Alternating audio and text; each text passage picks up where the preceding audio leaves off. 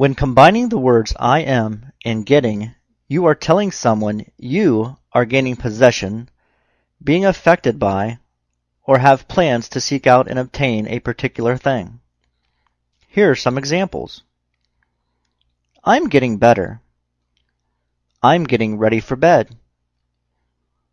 I'm getting a toothache. I'm getting a cold. I'm getting married. I'm getting tired. I'm getting good at reading. I'm getting a new car. I'm getting a job. I'm getting a puppy.